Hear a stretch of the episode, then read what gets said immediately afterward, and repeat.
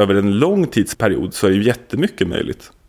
Så att över 150 år är nästan allt möjligt.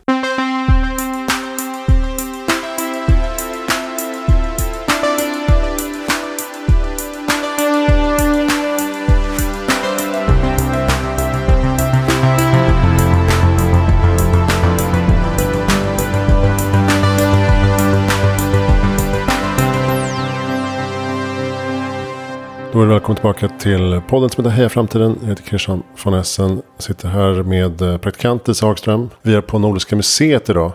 Tillsammans med Jörgen Lövenfeldt sitter vi här i rummet som heter Köpenhamn. Tack för att du kom hit och välkommen till podden. Tack för att ni kom hit och vill prata med oss om allt som vi tycker är viktigt. Precis, och innan vi kommer in på det egentliga ämnet så kan vi väl eh, dra lite kort om Nordiska museet. Eh, vad är egentligen Syftet här med den här platsen och den fantastiska byggnaden? Ja, det finns ju en historia som är en riktig historia om Nordiska museet. Som handlar om den här grundaren Arthur Hazelius, som även startade Skansen. Som åkte land och rike runt för att samla in det som höll på att försvinna under industrialiseringen. Och då tog han ju hjälp av folk för att göra detta. Så han kallade de här personerna runt om i Sverige för skaffare. Som, ja, en person kan ju inte skapa Skansen. Det förstår man ju. Och det här huset är ju också, som ni ser, ganska stort. Så han tog hjälp av folk. Och det är väl det som är vårt DNA helt enkelt. Vi brukar säga att Nordiska museet handlar om dig. Vilket är också helt sant. Och vi klarar det inte själva. Så crowdsourcing har ju varit sättet att jobba på. Och så jobbar vi fortfarande. Och det är väl det jag jobbar med. Kan man säga. Vad är din uh, officiella titel nu för tiden? Ja, nu för tiden så är det projektledare för digital insamling. Och det tycker jag är en ganska bra titel för att jag projektleder saker. Jag leder projekt och jag samlar in digitalt. Så det, det är precis vad jag gör. Och du kommer tidigare från en roll som journalist och sen har du varit på Internetstiftelsen och eh, jobbat på Internetmuseum.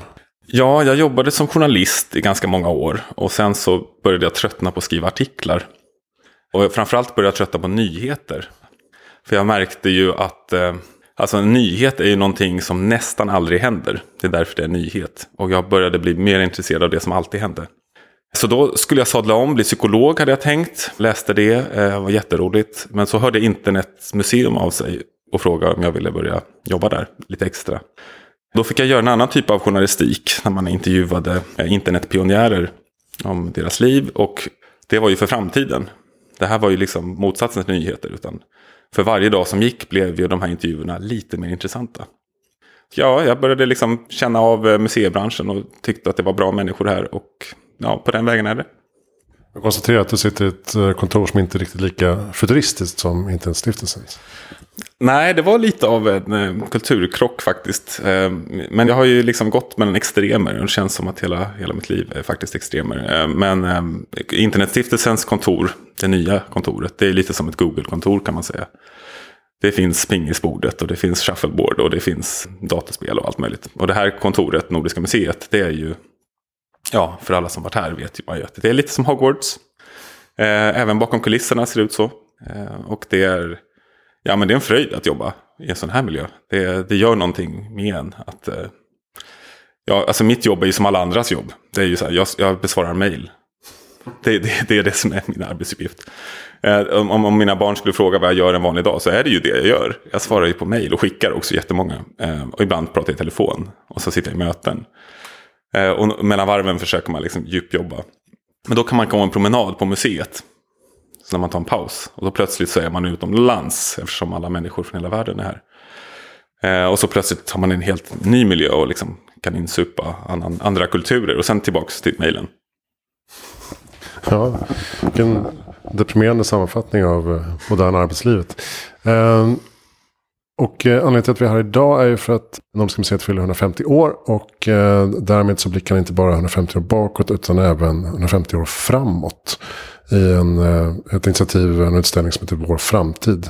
Berätta lite om bakgrunden till den. Hur länge har ni firat på det här?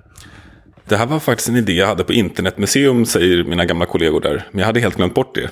Mm. Så det är liksom samma idéer som återanvänds om och om igen. Ehm, men man kan säga att den riktiga bakgrunden till det, det var en utställning på Kulturhuset. Där barn ombads att eh, måla sin framtid hur de trodde att jorden skulle se ut. Och sen var det väl 2050 eller sånt där. Och jag ska inte säga att det var alla, men det var väldigt många barn som ritade liksom en planet som var totalt förstörd och förgiftad. Och då kände jag att vuxenvärlden, eller vi ska säga, för att vi, vi är flera stycken som har liksom gått i de här tankarna.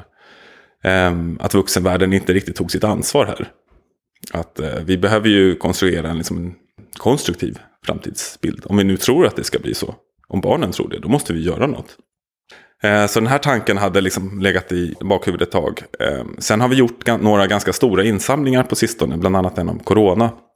Och då hade vi en sista fråga som handlade om hur pandemin påverkade ens framtidssyn. Och det var lite roligt att läsa de där svaren, för alla svarade nämligen samma sak. Och alla svarade, det är väl bara jag som tänker så här, men vi behöver stressa lite mindre, vi behöver ta hand om vår planet och ja, och, ja den typen av svar. Och det roliga var ju också att alla skrev att de trodde de var ensamma om det. Och det var ju bara vi som kunde se det. Eh, så vi förstod att om man, om man ställer frågor om framtiden så börjar folk svara om klimatet. Automatiskt. Och vi har gjort en hel del sådana här insamlingar som är så riktade mot eh, olika kriser. Så det var ju Ukraina-kriget nu till exempel. Som vi också gjort en insamling om. Och det är jätteviktigt att göra de där typerna av insamlingarna. Men ibland vill man ju också göra någonting samlat när det inte är en kris. Och då funderade vi liksom, vad skulle det vara för ämne? Och då visste vi ju att vi hade ju klimatfrågan kvar. Alltså vårt jobb är att bevara och levandegöra minnet av livet i Sverige. Så det är ett jätte, jättestort ansvar. Så att om man nu ska bevara livet i Sverige och inte har tagit med klimatfrågan till framtiden, då har vi missat något. Så att om 100 år eller 150 år, om det inte finns någonting dokumenterat om hur, när man liksom förstod att klimatkrisen var en kris, ja då har vi ju misslyckats. Och då funderar vi kring hur ska vi då lägga upp det? Och då blev framtiden ett sätt att göra det på. Men sen blev det inte riktigt som vi hade tänkt oss. För att då kom ju Ukraina. Vi hade egentligen tänkt lansera för ett år sedan. Men så kom kriget i Ukraina. Så jag har ju liksom jobbat lite i bakgrunden med den här insamlingen under ett års tid. Och har märkt att framtiden har förändrats väldigt många gånger under det här året. För ett år sedan var pandemier fortfarande jätteinne om man skulle prata framtid. Och sen så plötsligt vill alla prata om krig och säkerhetsfrågor.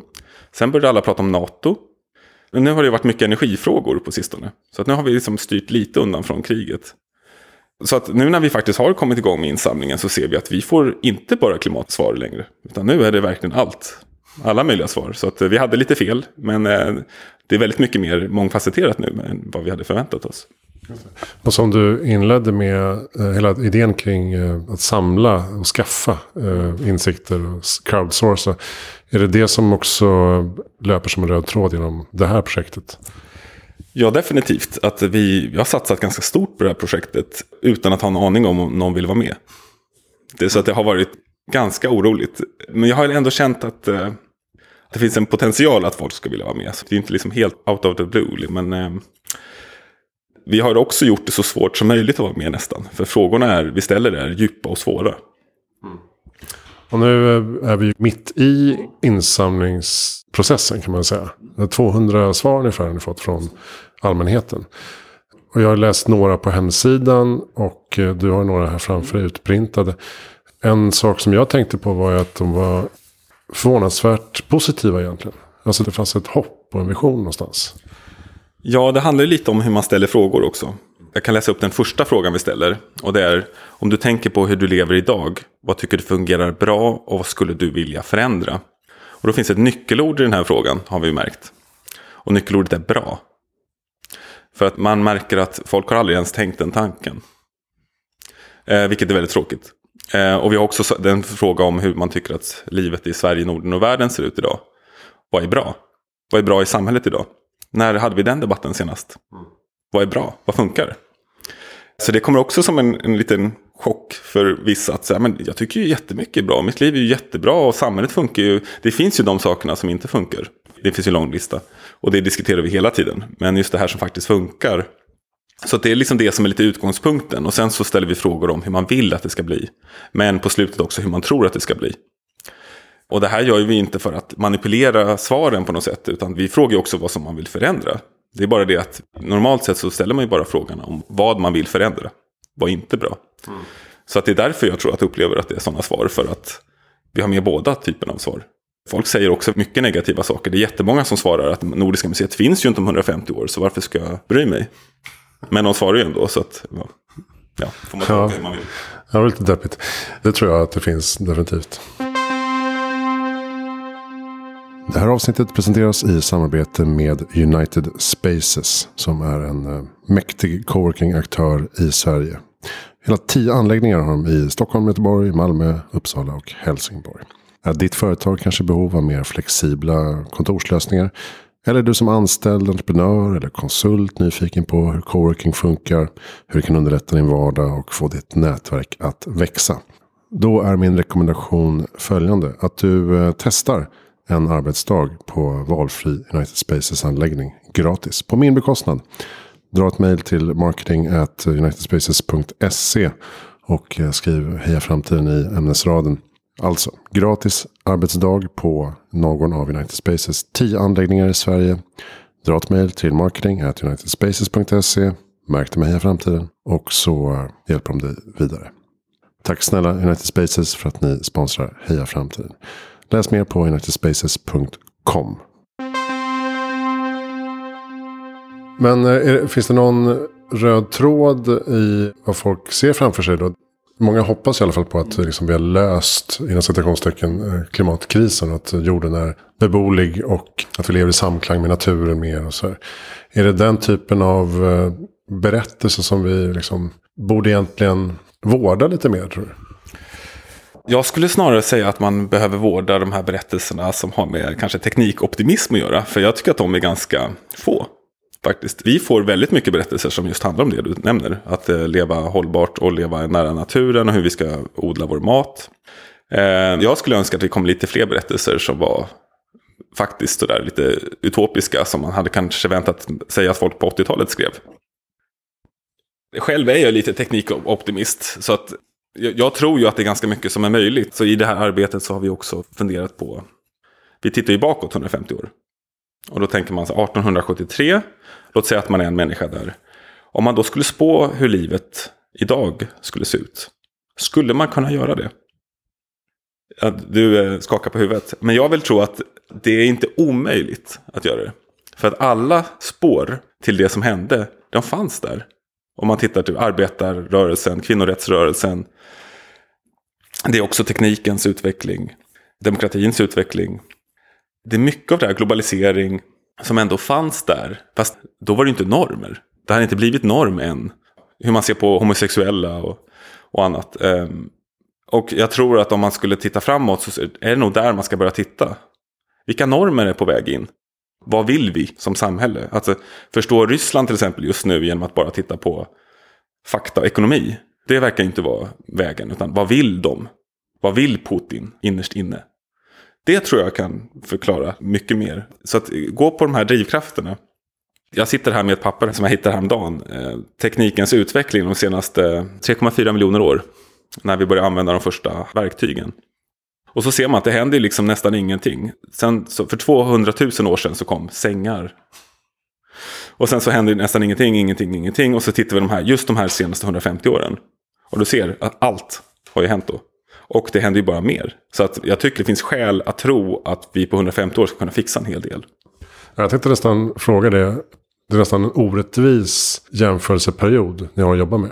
Alltså de senaste 150 åren. Där mänskligheten har liksom blomstrat på ett sätt som eh, aldrig skett tidigare någonsin i världshistorien. Har har det stannat av då? Nej, nej, det tror jag absolut inte. Jag tror inte det. Men många tycks ju förledas att tro det. Kanske mycket på grund av nyhetsretoriken. Och jag, och jag brukar utmana med liksom motfrågan då. Om allt är så jobbigt och dåligt och hemskt. När i världshistorien var det bättre? Ge mig ett datum. Ja, då skulle man väl säga 95 eller någonting va? Men det är ju, det är ju ganska kort. Det som är lite... Var, var 95 bättre? Ja, det var ju året efter fotbolls-VM i USA. Och, nej, men, nej, men eh, det- är många, många skulle väl säga det. Det var väl då historien tog slut ungefär. Ehm, och sen fortsatte den. Men ehm, om man tittar på den här listan, vem skulle tro då, eh, 1873 då att kärnkraft skulle finnas? Eller CRISPR? Eller internet? Eller att man skulle vara på månen? Alltså bara en kort tid senare. Och vi ser ju det som nästan jag ska inte säga varje dag, men varje månad just nu händer det något med AI som gör en liksom blown away. Så att eh, någonting kommer ju hända under de här åren. Eh, det är vårt ansvar att se till att det blir den framtid vi vill ha. Alltså om vi läser de här berättelserna så ser man ju att det finns otroligt många olika framtider. Så alla framtider är fortfarande möjliga. Det är klart att det kan vara den här framtiden när Nordiska museet inte finns. Det kan ju vi skapa om vi vill. Så att jag pratade med han Gustav Arrhenius som är vd för Institutet för framtidsstudier. Som sa att vi är den första generationen som har en chans att utrota världsfattigdomen. Men vi kan också förstöra vår planet. Så att det är ganska starkt jobbat av en art. Att kunna förstöra sin egen planet. Det är, det är ju imponerande på sitt sätt. Men vi kan ju också se till att det inte händer. Och det är väl lite det som vi vill få till här, en sån här diskussion om. Men hur gör man då? Och vi ser ju att över en lång tidsperiod så är det ju jättemycket möjligt. Så att över 150 år är nästan allt möjligt. Mm. Alltså om vi inte tittar ja, de närmaste fyra åren till nästa val och sådär. Så att det, det är det som ett museum också kan hjälpa till med. Att bistå med de här långa tidsperspektiven. Ja, men det gäller också med anslaget, alltså vår framtid. Att det är någonting som vi tillsammans skapar. Det är inte bara något som ska skölja över oss och eh, göra oss eh, ännu mer passiva. Så att säga. Så att det tror jag är viktigt också att få in det här eh, känslan av eh, agens. Alltså att jag kan agera i linje med vad jag vill ha för framtid. Ja, det är, det är så det är tänkt. Att eh, det handlar om oss. Och att framtiden är inte fixerad. Som sagt, under det här året så har framtiden förändrats väldigt många gånger. Och vi har också gjort sådana här insamlingar förr. Så vi har lyft fram berättelser från 97. Där människor också spådde framtiden. Så det är väl lite mer än 25 år sedan nu. Och så har vi pratat med samma personer igen. Så det kan man se på vår hemsida där. Mm. De här intervjuerna och läsa de här breven. Och då är det spännande att vissa har ju faktiskt spått nästan helt rätt. Framtiden. Utifrån, ja de har liksom gått efter fakta. Hur såg det ut då? Vad leder det till? Vad leder det till? Vad leder det till? Så har man gjort rätt analys i början där. Och sen är det andra som visar sig att man vet ju ingenting om sitt eget liv. Alltså, det, det enda vi vet är att det kommer hända något du inte är beredd på. Och det gäller ju även världen. Jag menar, vi visste ju att en pandemi skulle komma någon gång, men vi jobbade ju inte efter det, kan man säga. Men det här, det vet man ju i livet i stort, att allt blir ju inte som man tänkt sig. Nej, väldigt lite blir som man tänkt sig, men det skadar ju inte att ha lite mål. För då, då känner man ju igen någonting. När säger, ja, men det här ska jag gå på, för det här är eh, något som är i enlighet med mina värderingar. Liksom. Eh, och så fungerar nog ett samhälle också, tror jag. Ja, och det jag tycker saknas, alltså inte bara i nyhetsmedia och även i politiken, är ju de här att våga vara lite visionär och säga hit skulle jag vilja att vi tar oss. Och sen tror inte jag att, om vi pratar 150 år framåt, så tror inte jag att de här berättelserna är så himla olika heller. Alltså vägen dit är olika, men jag vet inte om framtidsvisionen, alltså någon slags utopi, om den skiljer sig så här jättemycket egentligen. Ja, vi hoppas att det gör det. Det är många här som skriver i de här berättelserna att eh, man vill jobba mindre till exempel. Och det har vi pratat om ett tag va? Jag kan ta fram en som jag läste alldeles nyligen här av Jan-Ivar Johansson i Södra Sunderbyn som har skrivit.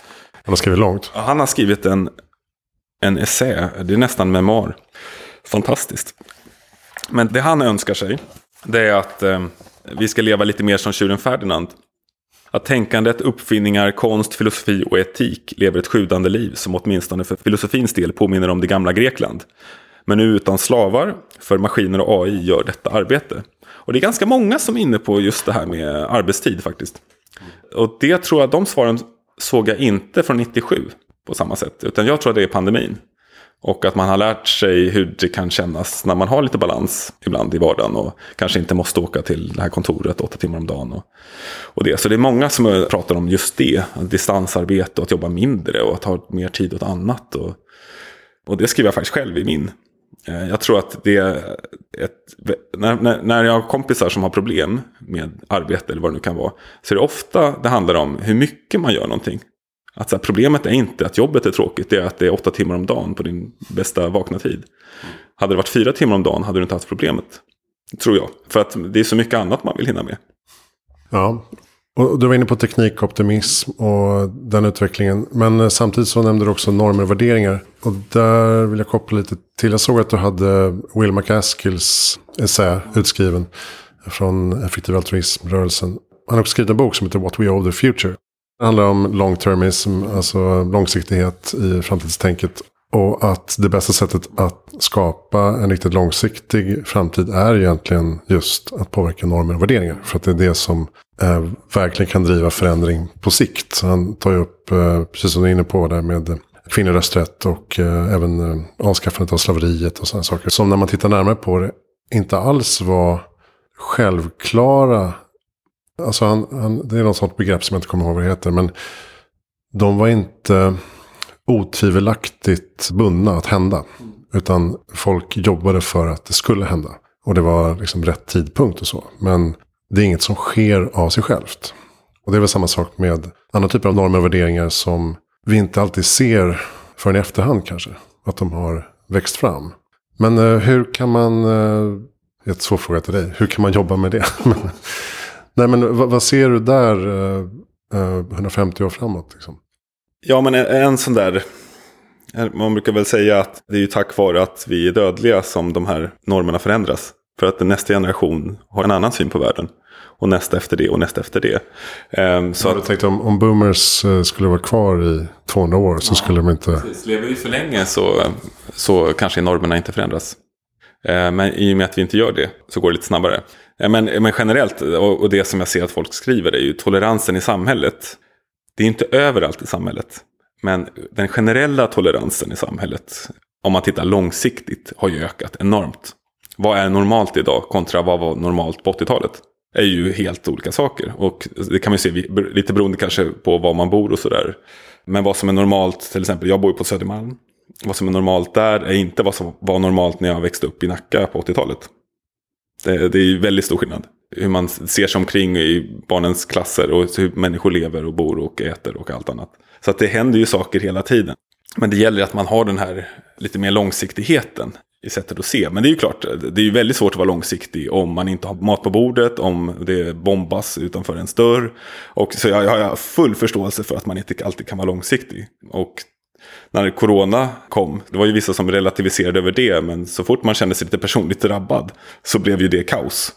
Då blev ju som allt fokus på att bara lösa det akuta problemet. Och det är ju så, som ett samhället är idag också, det är klart att det är svårt att tänka 150 år framåt om det skjuts i gathörn. Och, jag menar, om man känner den här oron över det. Sen så är det ändå så att den här tiden kommer att komma. Så att någon måste ju tänka på det. Någon måste ju diskutera det. För att annars så gör vi ju inget annat än att lösa problem. Och hur kul är det? Ja, precis. Man pratar om en brist på fantasi ibland också. A lack of imagination. Alltså att man inte tillåter sig själv att drömma lite större och längre. Tycker du att det är ett problem, alltså att vi måste träna lite mer på just sådana här berättelser. Ja, men det är väl lite det som vi gör här. Att vi tvingar ingen att vara med. Det är ju frivilligt, förutom för kanske elever som gör det här som skoluppgifter. De, då är ju läraren som tvingar. Men lite syftet här är att det, det är ganska nyttigt att svara på de här frågorna. Det är många som hör av sig efteråt som säger vad skönt det var. Det är lite så här tacksamhetsövning också. Så här, vad är bra i ditt liv? Vad är bra i samhället idag? Att man börjar fokusera på det också. Och det var lite det här jag menade när jag var journalist, att en nyhet är något som nästan aldrig händer. Att vi pratar väldigt mycket om saker som nästan aldrig händer i samhället. Och att vi då pratar om det som händer hela tiden också. Det handlar inte om att bara prata om det heller. Utan det är absolut, jag förstår liksom att man vill prata om skjutningar till exempel. Jag tycker det är en väldigt relevant debatt. Eh, det är helt ohållbart. Samtidigt som vi också måste prata om de här långa sakerna. Men jag, jag kan ta ett exempel här. Jag har skrivit ut en massa jätte, jättefina essäer här av folk från hela Sverige som har skickat in till oss. Och då har vi en som heter Yvonne Birgitta Eklund, psykoterapeut i Gävle, född 1960. Och hon vill diskutera döden. Och att vi aldrig diskuterar döden i samhället. Min uppfattning om tillståndet i samhället är att vi kämpar med dödsångest, säger hon. För att undvika den enda garanti som vi har i livet, döden, söker vi kompensation med distraktioner och konsumtion. Vi kan köpa i princip allt utom evigt liv. Och sen börjar de diskutera här om att vi om 150 år kanske närmar oss något sorts evigt liv. Och om vi då kommer att värdesätta livet. Och som händer med nyfikenhet och upptäckarlust. Om vi inte har döden där som ändå finns där. Som gör att man måste göra någonting någon gång. Ja, det kommer alltid upp som ett motargument till debatten om evigt liv. Om man skulle då ha samma drivkraft men det får vi kanske aldrig veta. Ja, men precis, det, det där får vi ju inte veta. För att eh, det är möjligt att det kommer andra drivkrafter. Då har man ju inte heller döden som eh, flyktväg. Så man behöver ju stå för allt man gör väldigt länge. Alla de där gamla blogginläggen, Instagram-posterna. Jag är ganska glad att jag inte hade sociala medier när jag var 15. Faktiskt. Nej, men däremot kan jag, kan jag känna ibland i mitt arbete och det jag producerar. Att så här, ska jag verkligen lägga ut det där? Mm. Och så tänker jag, ja men tänk om jag dör imorgon då. Och inte har lagt ut det. Skulle jag inte tycka att det var tråkigt? Ja, jag gör det. Ja, men döden finns ändå närvarande på något sätt. Ja, men jag tror att någon sorts eh, i, vid, alltså i livet motsvarighet till döden det är väl att känna att man har tillräckligt. Och att man har kanske jagat nog. Och ja, många söker sig till buddhismen nu och mediterar och annat. Och det är väl lite det det handlar om. Att vara nöjd här och nu.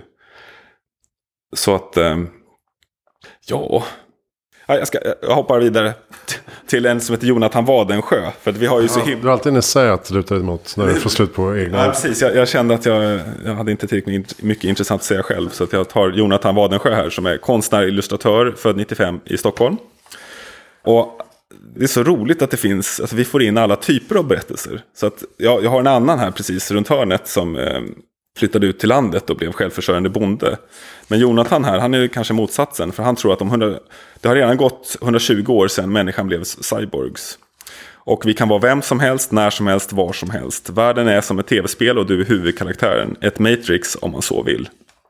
Och det är helt enkelt eh, vad han hoppas på då. Att våra medvetanden finns i en gemensam server. Så sådana berättelser får vi samtidigt som vi har Lovisa som bor ute i på landet numera. Hon hade bott på Södermalm i en tvåa, flyttade med sin man och barn. Och hon hoppas att vi har gått tillbaka till alltså, jordbrukssamhälle. Och hon skriver, det är nästan svårt att föreställa sig att vi en gång var en del av ett mycket större rike som heter Sverige.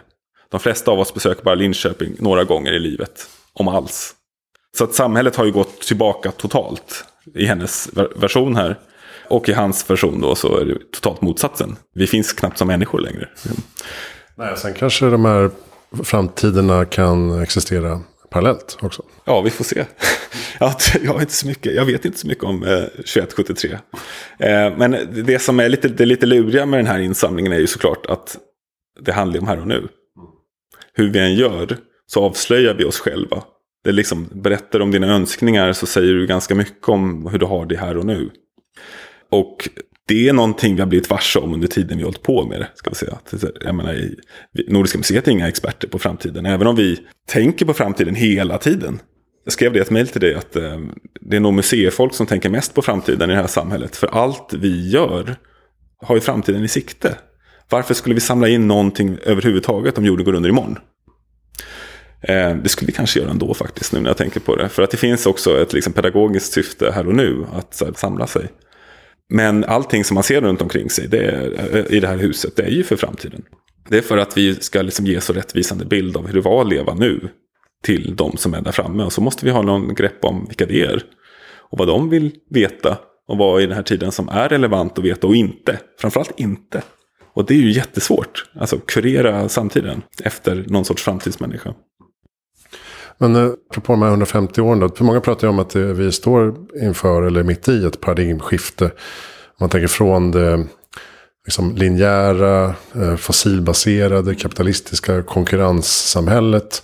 Och går mot förhoppningsvis då någonting annat som är mer cirkulärt, hållbart, förnybart, kollaborativt. Ser du också de riktningarna? Och även i berättelsen som du får in? Ja, absolut det är spännande det här att vi, vi trodde ju att framtiden var helt säker för inte så länge sedan. Att eh, det här globaliserade framtiden, den var framtidssäkrad. Och så plötsligt har det gått mot mm, ja, samma typ av framtid som det var kanske på 80-talet med kalla kriget och annat, en uppdelad värld. Så att det är, frågan är alltså vems framtid man pratar om här. Är det Kinas framtid? Den världens framtid? Indiens framtid? Eller liksom Sveriges framtid? Är det olika eller är det samma? Ja, det, det, är så himla svårt att säga. Vissa lyfter fram Afrika till exempel som att det, det är där framtiden ligger. De närmsta 150 åren kommer bli mycket bra år för Afrika, tror de. Vissa, andra menar då, att de kommer inte ens leva där. Så att det, man kan väl säga att som bärande tema så är det ju det här med klimatförändringarna. Sen så tycker jag väl personligen att klimatförändringarna är ju en fråga. Men låt säga att vi löser dem. Vad händer då? Det har jag aldrig hört någon diskutera. Utan vi ska lösa det här problemet, men varför? Vad vill vi med våra liv på den här planeten? Varför ska vi lösa dem då? Om allting är jobbigt hela tiden. så att det är lite mer tacksamhet över vad vi har och vad vi kan åstadkomma och så. Men sen så, om man tittar utifrån det här just bara 150-årsperspektivet. Då är det ganska lätt att liksom bara säga, alltså, ja men vi hittade, vi förstod att olja var koncentrerad energi över miljarder år. Oerhört bra grej. Klart att man använder den fullt ut. Och sen så märkte vi, oj det får konsekvenser. Ja, ja, vi går vidare lite till. Oj, det får riktigt allvarliga konsekvenser. Okej, vi måste fixa det. Och så verkar det finnas sätt att göra det på. Och jag tycker även det här med pandemin visar ju på vad som är möjligt när världen är koncentrerad kring en fråga. Och plötsligt inom ett år hade vi ett vaccin. Och vi kunde stänga ner hela samhällen. Vi kunde stänga ner hela ekonomin. Vi kunde bara göra det över en natt. Det gick hur lätt som helst. Eller inte hur lätt som helst, men det gick.